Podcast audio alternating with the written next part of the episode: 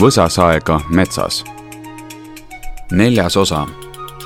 naised võsasaega metsas. mõne metsas võsasaega töötava naise leidmine kujuneb üsna keeruliseks. üks neist, kes parajasti koos meestebrigaadiga Soomes töötab, annab intervjuuks nõusoleku. ent tehniliste viperuste tõttu ei toimi helistamine kohe esimesel korral ning veidi hiljem pole naist enam võimalik tabada pärast tööpäeva lõppu püüab ta kuskil Soome järvedel kala ja ütleb, et on marutuuline.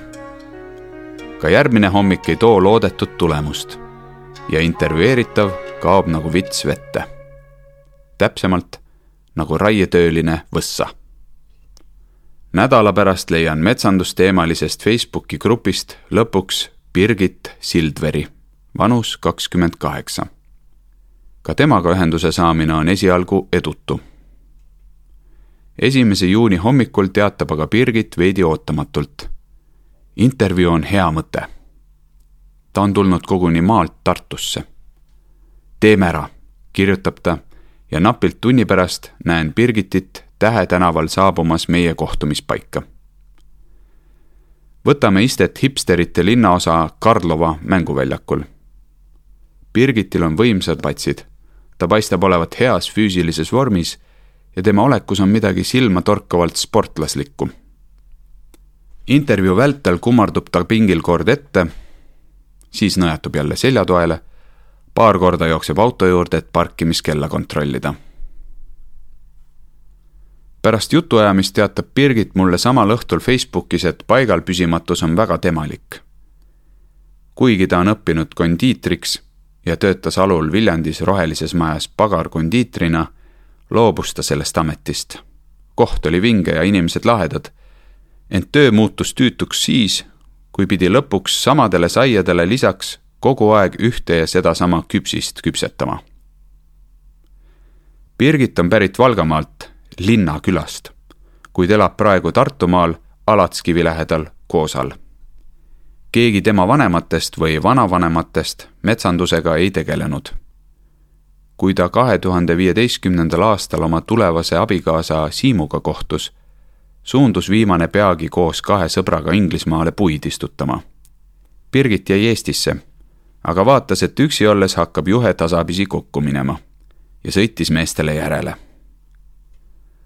Inglismaal olid ilmad veel hullemad kui Eestis ja sealt sai Birgit esimese metsakarastuse kui ta kevadel koos Siimuga naasis, tuli taimede istutamise pakkumine juba ka kodumaal. suvel ütles Siim, et nüüd on metsa minek, andis trimmeri kätte. ma polnud kunagi varem trimmerdanud. tund aega aias proovisin ja järgmisel päeval läksime metsa, meenutab Birgit. Siim õppis Luua metsanduskoolis. Birgitil on tulnud hooldusraietöölise oskused aga omal käel omandada elu ise on õpetanud. nüüd ma siis olen selle töö peal ja mulle hullult meeldib, tunnistab ta. Birgit kirjeldab võsatöö aastaringi. kevadel on kõige pikem istutus, poolteist kuni kaks kuud. suvel on vähe lebam. natuke on kultuurihooldust nagu ka sügisel, kui on veel ka üks lühike istutusperiood ja siis on kuni kevadeni valgustusraied kohanemine võsasaega oli Birgitile lihtne. ta pole kunagi tundnud, et võsatöö oleks füüsiliselt ülemäära raske. kui tööl olles mõtled, et sa ei taha, sa ei saa ja sa ei suuda, siis hakkavad igasugused asjad juhtuma. näiteks läheb saag kogu aeg katki, arutleb ta. nüüd, mõni aasta hiljem, juhtub saega äpardusi juba märksa vähem. võib-olla ka sellepärast, et Birgit oskab nüüd tööriista paremini käsitseda ka puude tundmine Birgitile peavalu ei valmista.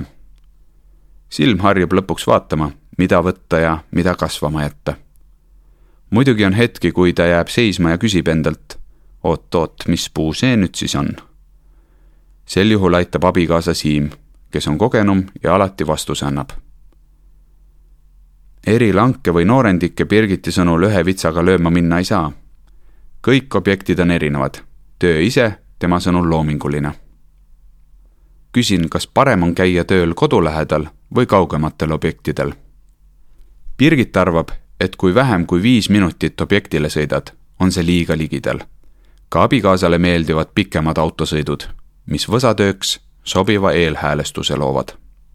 nii saab töö vaibi peale, ütleb Birgit.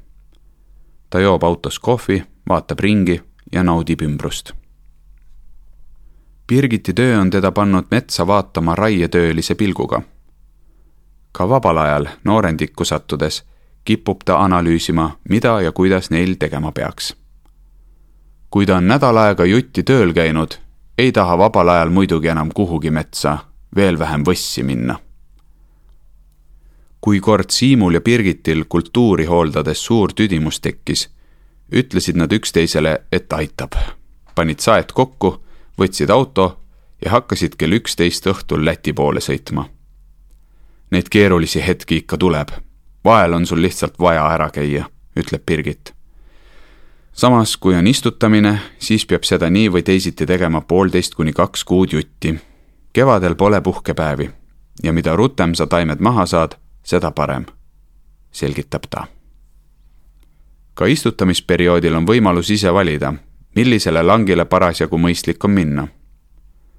maapind võib veel kuskil olla sulamata või liigniiske võsas töötamise ajal tuleb Birgiti pähe igasugu mõtteid, mida ta lihtsalt jamaks nimetab. langil töötades on vahel õige aeg, et oma kräpiga tegeleda. mingid asjad võivad peas päev otsa luupida.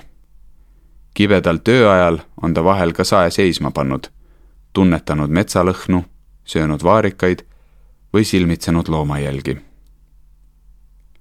kui näed enda jaoks mõnda uut putukat või liblikat, siis oled nagu väike laps ja elad selles hetkes. just see hetkes olemine maandab ja rahustab, arutleb ta. kord metsas autoga kinni jäädes tekkis Birgitil tunne, et hakka või nutma, välja siit enam ei saa. kõik see on aga metsatöö loomulik osa ja õpetab koostööd. Võib-olla lähed korra endast välja, aga siis leiad koos ikkagi lahenduse, ütleb Birgit üksinda metsa minna ta ei taha ja kui Siim üksi läheb, siis ta ikka veidi muretseb. Birgit meenutab, kuidas Sõõru metsades on Siim langil puid istutades näinud kahekümne-kolmekümne meetri kauguselt karu. karuema tõusis tagajalgadele ja Siim samal ajal rääkis temaga. ärge tulge, minge ära karu juures olid ka eelmise aasta pojad, aga kui karu vaatas, et kõik on rahulik, viis ta oma mõmmi pere minema, kirjeldab Birgit. kui nädal aega hiljem juba uuele langile mindi, töötas Siim taas Birgitist kaugemal ja korraga karjus midagi. küsisin siis, kas jälle karu? Aga seekord tuli hoopis hull metsis. tema ju ei jäta sind rahule pidimegi sel päeval metsast ära minema, meenutab ta. väga krõbeda külmaga ei ole Birgiti arvates mõtet metsa minna. võsasaed hakkavad turtsuma, nina läheb härma ja külm tuul puhub selga. kuna möödunud talv oli lumine, tegid Birgit ja Siim lankidele luuret ning valisid välja objektid, kus puudel oli vähem lund. Noh, märjaks saad sa niikuinii, aga mida kauem oled kuiv, seda mõnusam olen tähele pannud, et kui vihma sajab, siis tööle ei tõmba. aga kui lähed ja hakkab poole päeva pealt sadama, on juba soe sees ja enam vahet pole, seletab ta. kontoritööks on Birgit liiga püsimatu. ka koolipingis ei suutnud ta rahulikult istuda. käed kogu aeg sügelesid. alul oli Birgitil oht end metsas üle töötada, kuid nüüd teavad Siim ja Birgit mõlemad et kui hommikul ärgates ütleb sisetunne, et täna pole mõtet metsa minna, siis seda ka ei tehta. kui ilm on vilets, eelmisel päeval on liiga pikalt töötatud või lihtsalt tunne, et täna pole seda õiget minekut, siis võib vabalt jätta päeva vahele, et panna järgmisel juba täiega. Eesti metsade kadumise pärast Birgit ei muretse tuhande üheksasaja üheksakümnendate aastate Maa-ameti kaardil olevatel paljudel põldudel on nüüd juba keskealine mets. ja just seda kaarti on Siim Birgitile näidanud. mulle kirjutades lisab Siim, et nõukogude aja lõpus sööti jäänud maadest on tekkinud tublisti metsamaad juurde. talle meenub ajakirja Eesti Mets kahe tuhande kolmanda aasta artikkel. Eesti lähiajaloos on mets põlde vallutanud kaks korda. Milles metsakorraldaja Enn Pärt kirjutab. kui palju metsamaad põllumaa arvelt lähimatel aastakümnetel juurde tuleb, on raske ennustada. aga metsamaa pindala suureneb kindlasti täiesti võimalik, et kolmekümne aasta pärast on Eesti metsasus viiskümmend seitse kuni viiskümmend kaheksa protsenti praeguse viiekümne protsendi asemel ning metsa kolmsada tuhat hektarit rohkem. Eks ole nende hulgas ka palju selliseid võsastunud maid, kus tänaseni miskit tehtud pole. aga õigeaegsed hooldusraied on nendele kinnistutele lisandväärtust toonud, kommenteerib Siim puutumatud loodusreservaadid peaks Birgiti arvates Eestis kindlasti olema.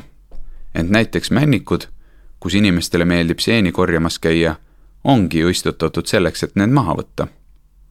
kust me seda puitu siis saame, küsib Birgit. Muidugi on olemas need linnadelähedased kõrge avaliku huvi alad, mis tuleks tema arvates inimestele alles jätta ja korda teha, et seal mõnus jalutada oleks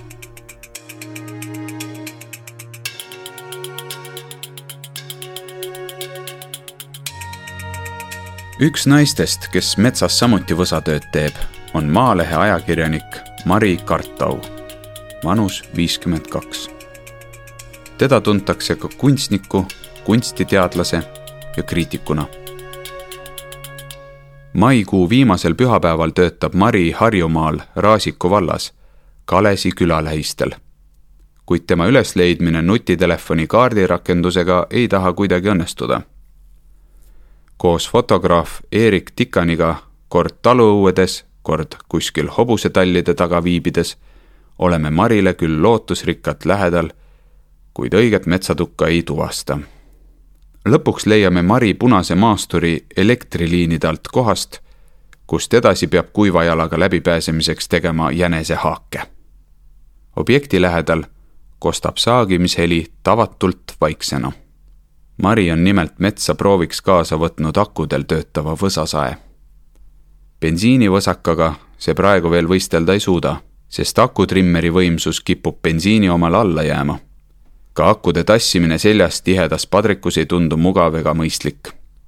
Mari ütlebki, et sai akusae maaletoojalt lihtsalt proovimiseks ja töötab vähemalt lähiajal ikka bensiinimootoril võsalõikuriga edasi. metsa ja metsatöö vastu hakkas Mari huvi tundma umbes neljakümnesena. ta on üsna kindel, et temast ärganud loodushuvi põhjustas keskea kriis. kes ostab endale talu, kes mootorratta, mõni mees vahetab naist. Minu puhul väljendus kriis nii, et tahtsin rohkem loodusega suhestuda, selgitab ta. Mari suundus alustuseks õppima räpina aiandus ja hiljem Luua metsanduskooli. esimesse keskkonnakaitset ja teisse metsandust ligi kümme aastat tagasi hakkas ta ka metsast pilte maalima. aga jättis selle katki, kuna pilte keegi ära ei ostnud. kui Mari käib nüüd näitustel ja vaatab maastikupilte, ei jälgi ta seal enam värve ja vorme, vaid seda, millise kasvukoha tüübiga on tegu. Mari andis endale aru, et Luua metsanduskooli lõpetanud keskealist naist RMK-sse tööle ei võeta. ja alustaski omal käel FIE-na võsasae tööd tulevikus, kui õnnestub, võiks aga teha metsanduse alal mingisugust peenemat tööd. jälgin, kuidas Mari paksus segametsapadrikus saega liigub ja noori puid langetab. tempo on rahulik, ent ta näib teadvat, millist liigutust järgmiseks teha ja kuhu astuda. kuidas lõigata puid maha nii, et ükski neist minu ja fotograafi poole ei kuku tean, et sellise tihedusega võsas sujub päevapalga väljateenimine vaevaliselt. Mari aga ei tee võsatööd raha pärast. sellist tüüpi puistut, kus Mari parasjagu töötab, kutsutakse metsameeste žargoonis laibaks. ja neid laipu on üle Eesti mitmel pool. Need on padrikud, mis on kasvanud metsamaadele, kust metsad kahe tuhandendate alguses maha raiuti ja inimese sekkumata kasvama jäeti just laipu tulebki tal nüüd lahendada. see on raske, kuid samas lõbus ja loominguline töö. Mari käib Võsas tööl nädalavahetuseti, üks või kaks korda nädalas. tähtajad venivad pikaks, kuid tema erametsaomanikest tööandjad on õnneks mõistvad ja sellest enamasti numbrit ei tee. Mari tõdeb muiates, et ühel objektil oli tal paus pool aastat ning sellega ühele poole saamiseks kulus aasta. ükski normaalne inimene, kes leiba teenib, muidugi nii kaua ei venita, ütleb ta Enda tehtud mahtusid ta kogenud võsameestega ei võrdle, kuna see kujunes stressiallikaks. võsas müttamist võtabki Mari kui puhkust, millega maandada ajakirjaniku töö stressi. niisama trenni teha nii palju ei viitsiks, see on mõttetu, sest sellest ei sünni midagi, muigab ta. alul kippus Mari miinusesse jääma, ent nüüd, kui on rohkem kogemusi, saab veidi ka palka ma ei võta enam vastu liiga kaugel asuvaid objekte või liiga raskeid töid, märgib ta. enim meeldib talle istutamine, kõige paremini aga teenib kultuurihooldusega. kurioosseim juhtum tema töös on seotud metsa kaotatud autovõtmetega. metsast, räga ja sodi seest neid naljalt üles ei leia. kuna ta jätab seisval autol alati käigu sisse, ei liikunud ükski ratas tuli tellida puksiir ja pärast auto lahti muukida. Kogu lugu läks maksma sama palju, kui maksis kogu see mitmeid päevi kestnud töö, mida ta parajasti tegi. pluss kütus ja muud kulud. Mari on Võsas tööd tehes palju mõelnud metsadebatile.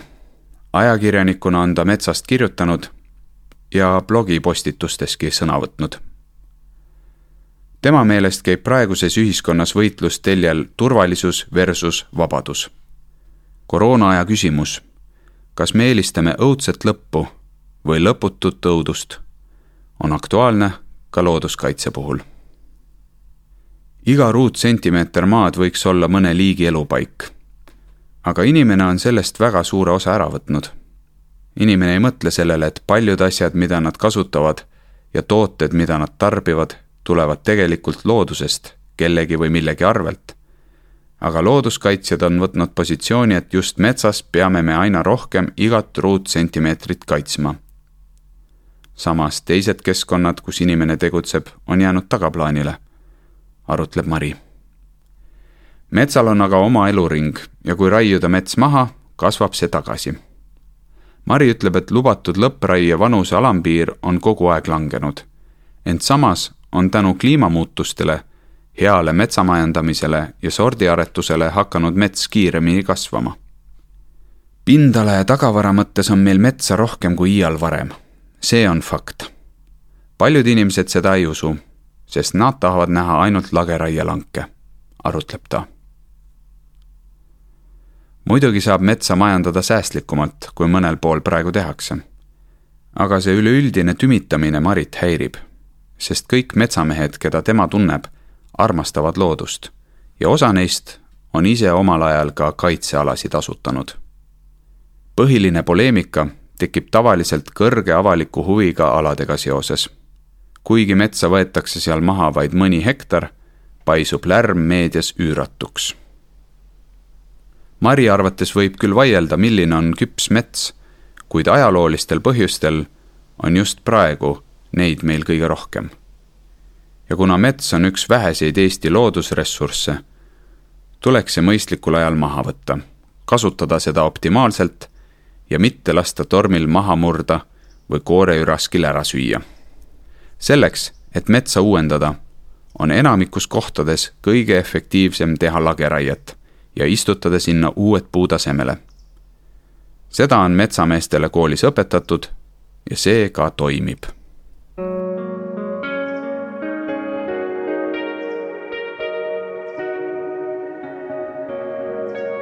lõppsõna.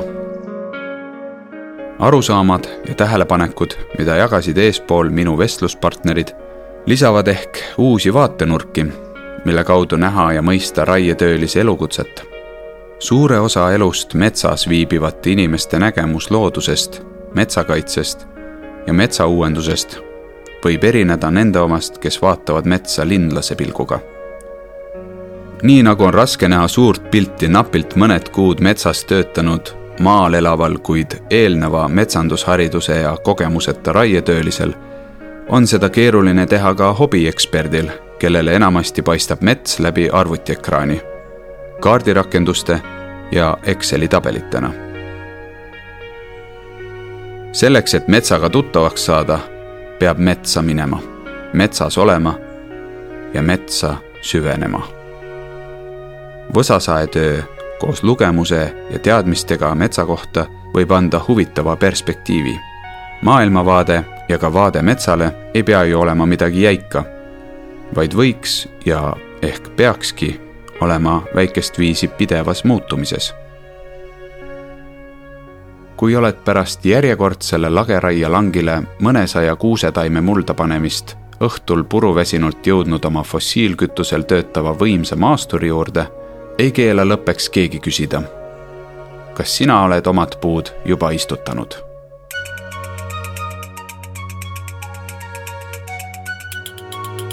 Te kuulasite Janno Sõõbini loo Võsasaega metsas neljandat osa ja lõppsõna. luges Kristo Viiding. helikujundus ja originaalmuusika Janek Murd. Vaata ka Erik Tikani fotosid levila.ee. Levila kaks tuhat kakskümmend üks